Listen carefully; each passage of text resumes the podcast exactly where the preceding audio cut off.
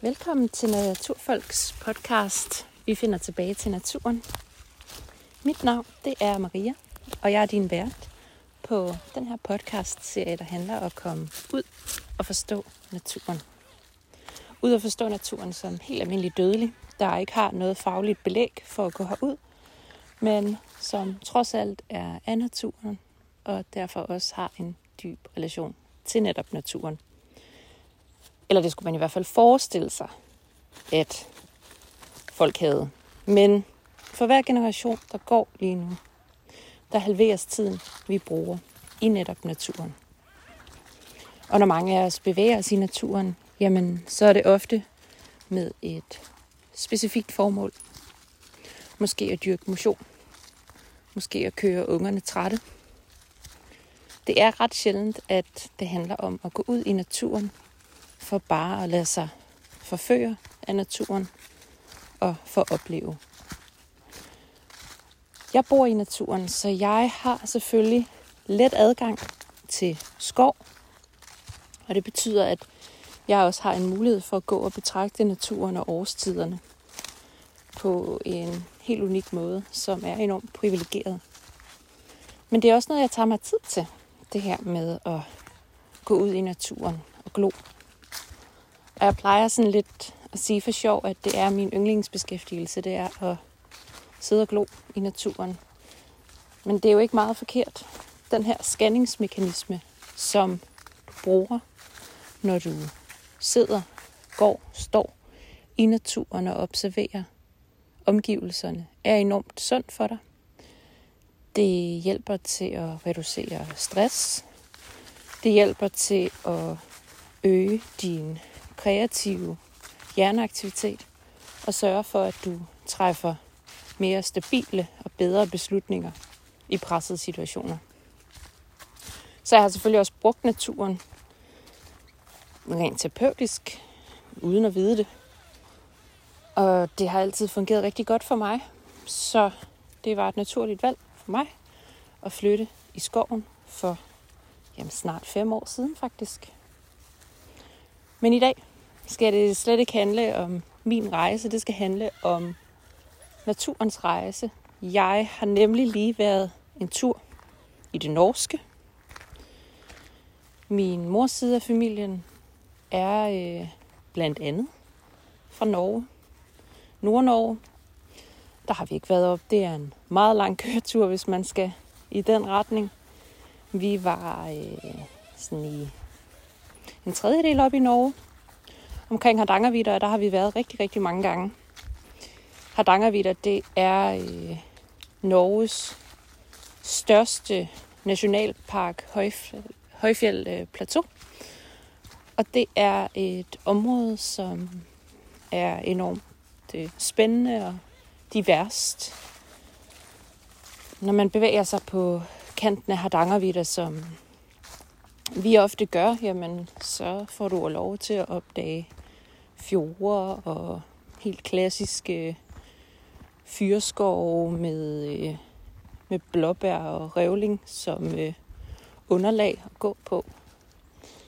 Du får også lov til at opleve fjeldkultur, fjeldområder med meget skæve, sjove udseende birketræer. Og nogle steder er der jo slet ikke nogen bevoksning ud over nogle af de her hardcore fjeldplanter.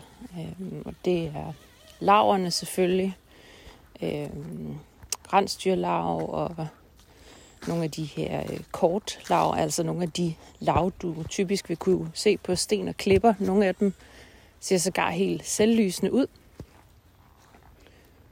Der vil tit i det norske også være noget bundvegetation, altså noget busklignende og falde over. Derfor er der rigtig tit blåbær og lyng og revlingen. Og der kan også være græsser og blomster på fjellet. Dem var der ikke så mange af endnu, kvæg det er midt oktober. Til gengæld så var Norge generelt pakket ind i den smukkeste orange-gule farve. Det var Norge selvfølgelig, fordi der er rigtig mange birketræer. Og de, man kan jo ikke sige forfalder, det gør de jo ikke, men, men de visner på en rigtig smuk måde. Et rigtig flot farveskema, som jeg er fuldstændig forelsket i, op mod de mørkeblå fjorde og de bare klipper. Så bliver det virkelig, virkelig skønt at gå og jagtage. Og jeg er en kæmpe nørd. Jeg læser en masse litteratur omkring, hvordan Norge er opstået, hvordan er Norge blevet til det Norge, vi kender i dag, hvordan er fjordene opstået. Og det handler jo en hel masse om at læse omkring, hvordan de forskellige kontinenter har bevæget sig øh, fra at være et stort kontinent til i dag at være spredt i, i det verdenskort, som vi nu kender i dag. Men sådan var det jo ikke for 60 millioner år siden. Norge er jo skabt, ligesom Danmark er skabt, ud fra de klimatiske påvirkninger, som nu engang er overgået det område, landet har befundet sig i. Altså Norges øh, område har jo i sin tid, da vi har snakket et samlet kontingent, der har det jo ligget ned omkring ekvator. Derfor kan man også i klipperester finde tegn på, at der har været noget mere eksotisk, kan man jo godt kalde det. Øh, der har været noget mere eksotisk voksning, øh, træer og planter, som du aldrig ville kunne finde i det norske fjeld i dag. For eksempel med, øh, med hardangervitter, øh, som i, øh, hvad har det været, noget mellem istid for en 8.000 år siden, har der vokset træer på Hardangervitter. Der har været fyrtræer. Det er der altså ikke meget af i dag. Der, øh, der er vi over øh, trægrænsen mange steder. Der er ikke mange træer, der synes, det er særlig interessant at vokse på, øh, på Hardangervitter. Men du finder stube og rodnet og gamle træstokke, som er dateret til at være ældre, som er dateret til at have overlevet istider. Og jeg synes, det er helt vildt spændende og fascinerende at nørde ned i, hvordan naturen lader sig påvirke af tryk fra is igennem millioner af år, for derefter at blive isfri og hæve sig. Hvordan koncentratet af CO2 har været væsentligt højere på kloden for tusindvis af år tilbage og hvordan det har påvirket skovene og dyrene og miljøet. Og det er jo på sin vis fascinerende og skræmmende, når man læser om alle de her ting.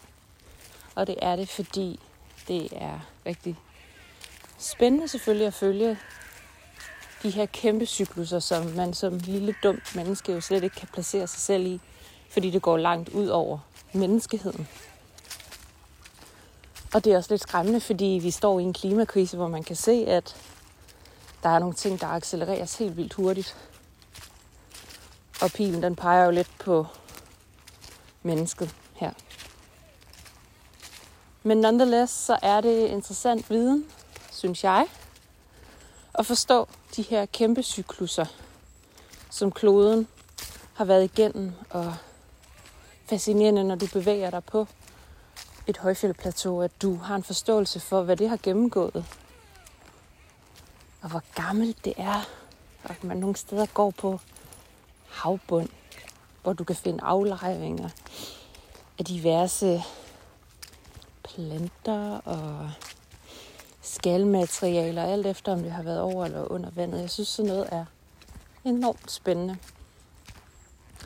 Og ikke noget, jeg har noget fagligt belæg for at forstå. Heldigvis så er der rigtig meget god litteratur, både på dansk og på norsk.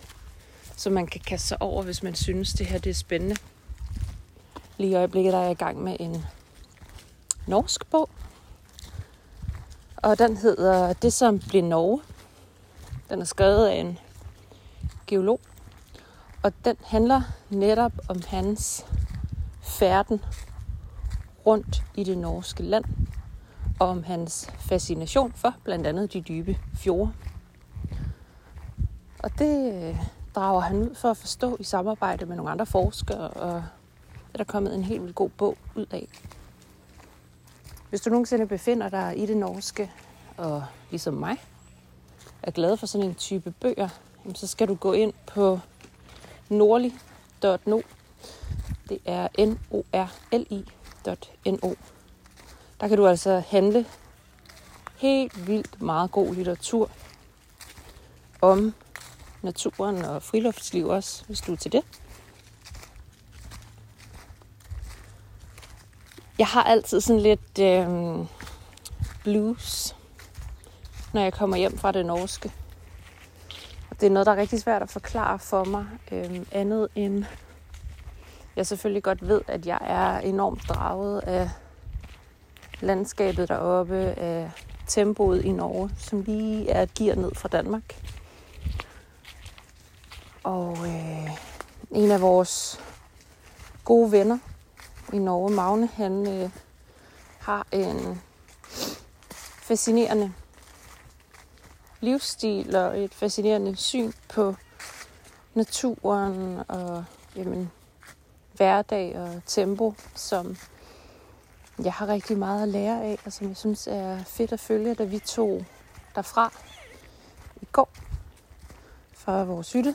Der øh, strøg Magne altså to dage på fjellet. Han havde fået nys om, at der var øh, nogle af hans får, som måske var gået lidt for langt op. Så dem skulle han op og finde. Og han strøg i sin båd og sejlede over på den anden side af fjorden, og vi kom sådan til at snakke om, havde han egentlig en rygsæk med, eller hvad? Øh, havde han bare lommerne fuld af, af tørret kød, og så stikker han ellers ud. Han har selvfølgelig en, en lille hytte derovre, hvor han overnatter i. Øhm, men det var, øh, det var Magnus øh, måde at holde ferie på. Det var lige at tage to dage ud, tage op og finde formen og vende tilbage igen. Og det var sådan en lidt spontan beslutning, og det kunne han se lige i sit landbrug. Jamen det ville han da godt lige have tid til de her par dage at gøre. Det er jo noget af det, vi mange danskere længes lidt efter i vores øh, stramt planlagte dage. Og øh, noget, som vi forsøger at gøre op med hjemme hos os. Blandt andet derfor, jeg også startede Naturfolk, og jeg ikke fortsat med fuld hammer på konsulentlivet. Men, men den her måde at gå til dagen og livet på, og det her berømte simple living begreb, som jeg ved ikke, hvor mange af os herhjemme, der egentlig formår at, at praktisere det. Det bliver mere sådan et Instagram hashtag, end det bliver noget andet. Øhm, og det er også okay, for vi kan heldigvis leve vores liv på mange forskellige måder. Men det jeg ville frem til var bare, at, at den her fascination af Magnus måde at bedrive liv på, øh, får mig jo til at reflektere rigtig meget over, hvordan vi herhjemme går til hverdagen og også naturen på. Og der er sgu ikke mange jeg kender i hvert fald i det, i det danske, som lige øh, lever to dage ud af kalenderen og stikker så ikke på fjellet, fordi det har vi ikke. Så kan man stikke i skoven eller til kysten, eller hvad ved jeg. Det er nemlig nemt at ty til den her, nu kalder jeg det Norges blues, altså den her en lille smule nedtrykthed over.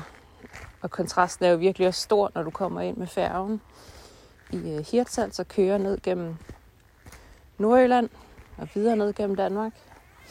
Og med 130 på motorvejen, fuld hammer, alt er fladt, der er marker overalt. Det er super uinspirerende, når man kommer fra at køre omkring et højfjeldplateau. Det giver lidt sig selv. Øh, kontrasten er kæmpestor, øh, og langs den danske E45 er der ikke særlig inspirerende. Det var der så heldigvis i går.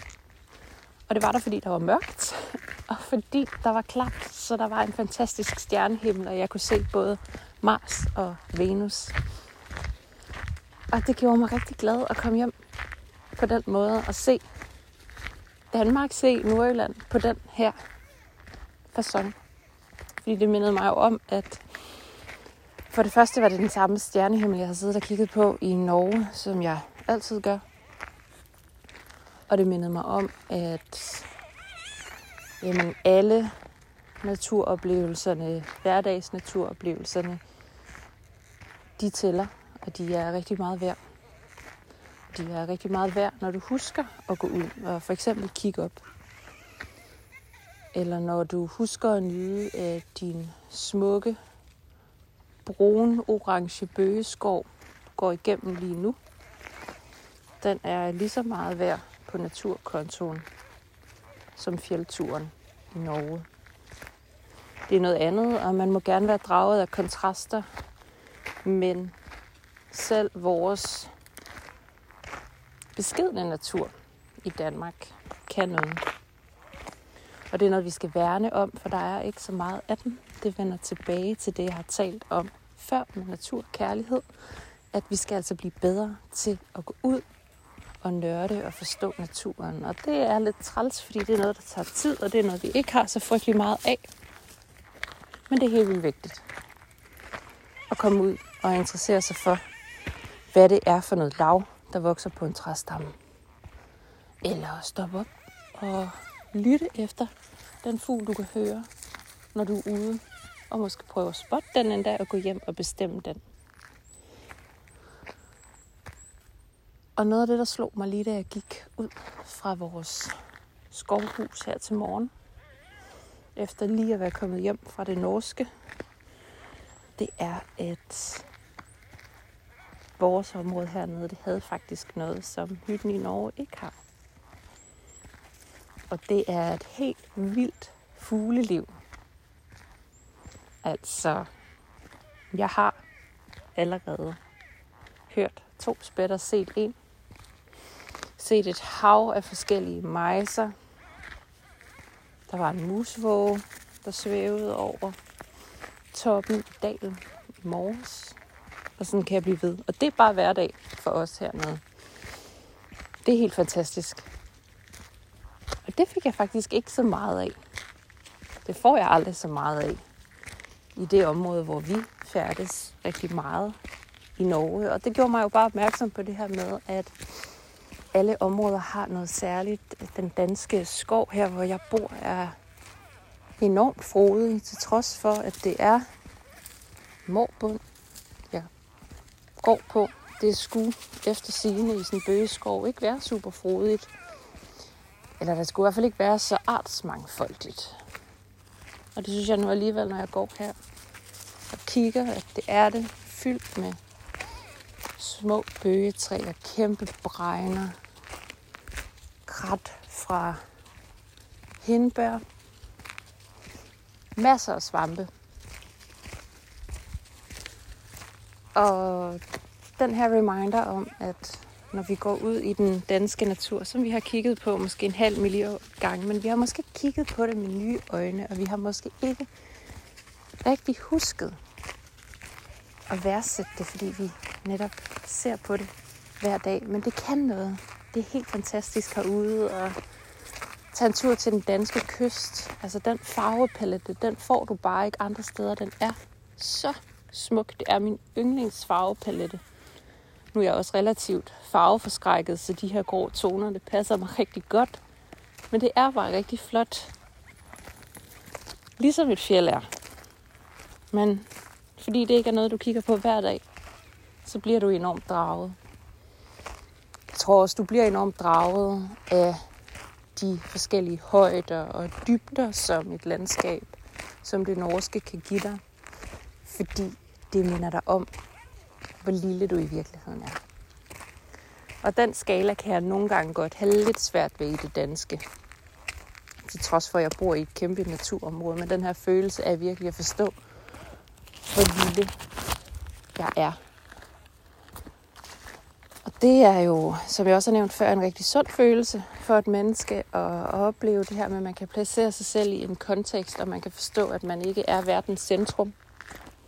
Det tror jeg er rigtig godt, hvis man slås med øh, præstationsangst, for eksempel.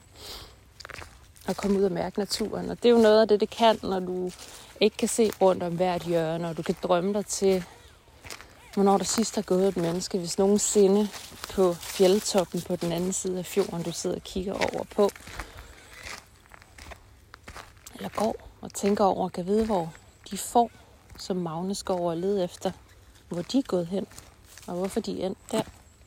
Om det altid har været sådan, at der bare har roamet dyr rundt over på den klippeside, hvor du ikke rigtig kan forestille dig, at der er noget som helst, der kan gå og kravle.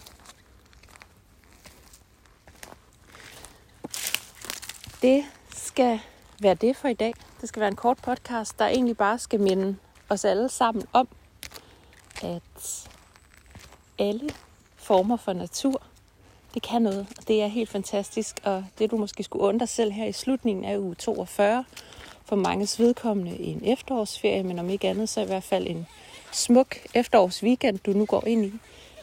Det er husk lige at sænke tempoet. Måske lige gå fra 5. til 4. gear, og husk at kigge op. Jeg tror, det kan være heldigt, det bliver stjerneklart igen i aften. Gå ud og kigge efter Mars. Det kan du faktisk gøre allerede, når solen nærmest er gået ned. Der står Mars ret højt på himlen og er virkelig let at finde. Husk at kigge ned. Det er svampesæson. Husk at stoppe op, når der er en skovskade for eksempel, der skræber. Det kan være, du har en chance for at se den. Rigtig god weekend, og tak fordi du havde lyst til at lytte med. Vi lyttes ved igen.